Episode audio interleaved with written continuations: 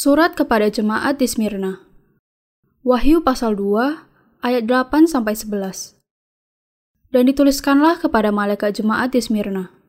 Inilah firman dari yang awal dan yang akhir yang telah mati dan hidup kembali. Aku tahu kesusahanmu dan kemiskinanmu, namun engkau kaya dan fitnah mereka yang menyebut dirinya orang Yahudi, tetapi yang sebenarnya tidak demikian. Sebaliknya mereka adalah jemaah iblis.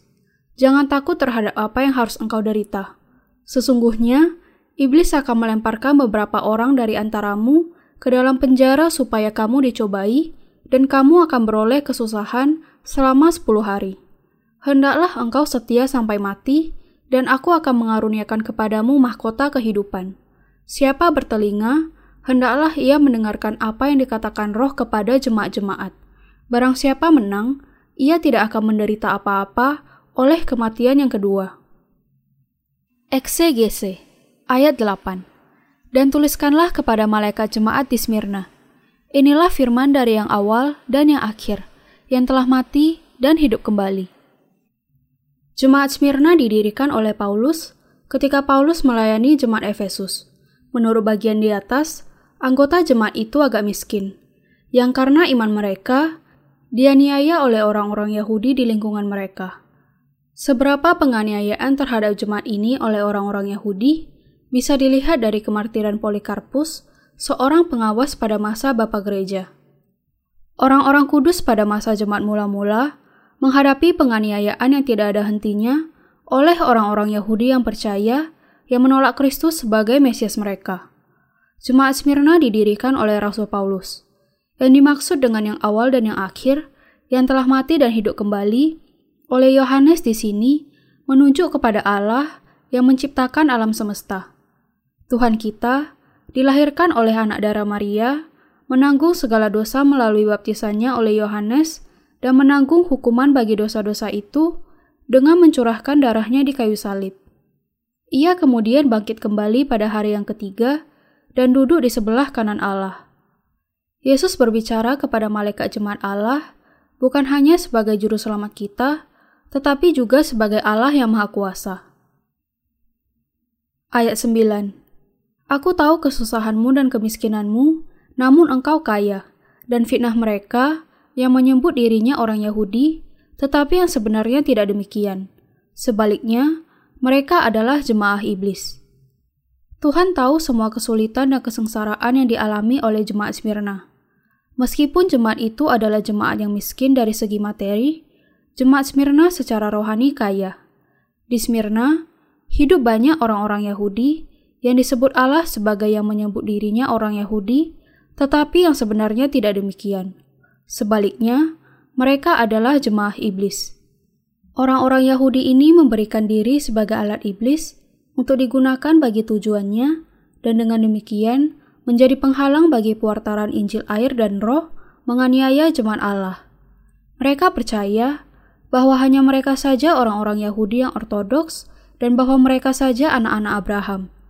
Tetapi pada kenyataannya, mereka tidak hanya gagal mengikuti iman Abraham, tetapi yang lebih buruk lagi, mereka akhirnya menolak Allah, Bapa leluhur mereka sendiri.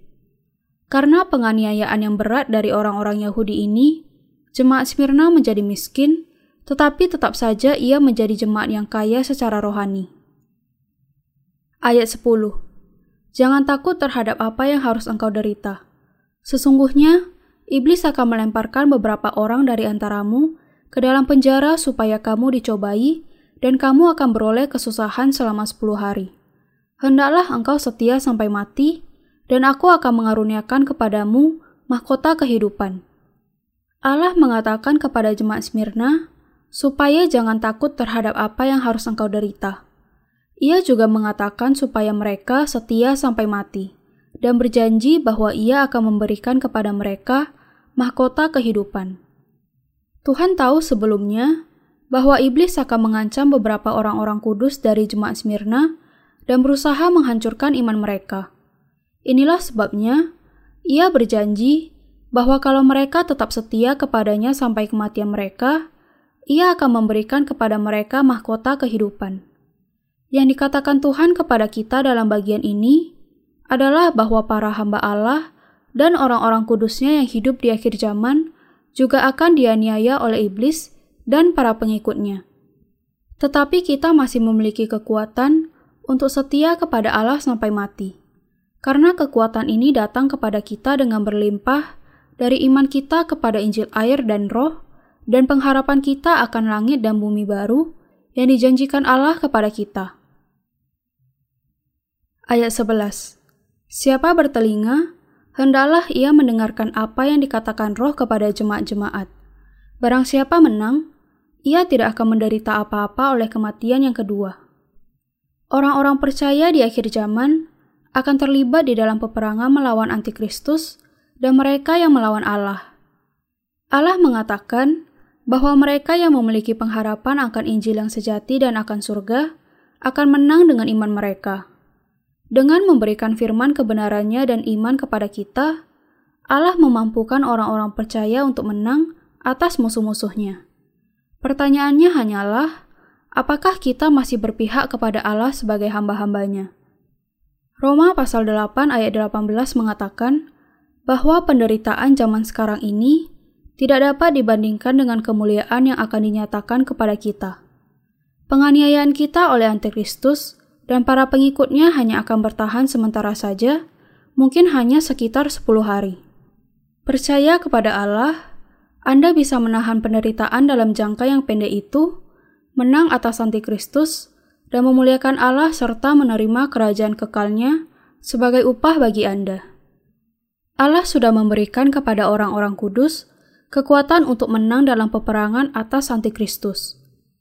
Mari kita menang atas antikristus dengan iman kita kepada Injil air dan roh, dan mari kita semua bertemu lagi di kerajaan seribu tahun dan langit dan bumi baru, supaya bisa hidup selamanya.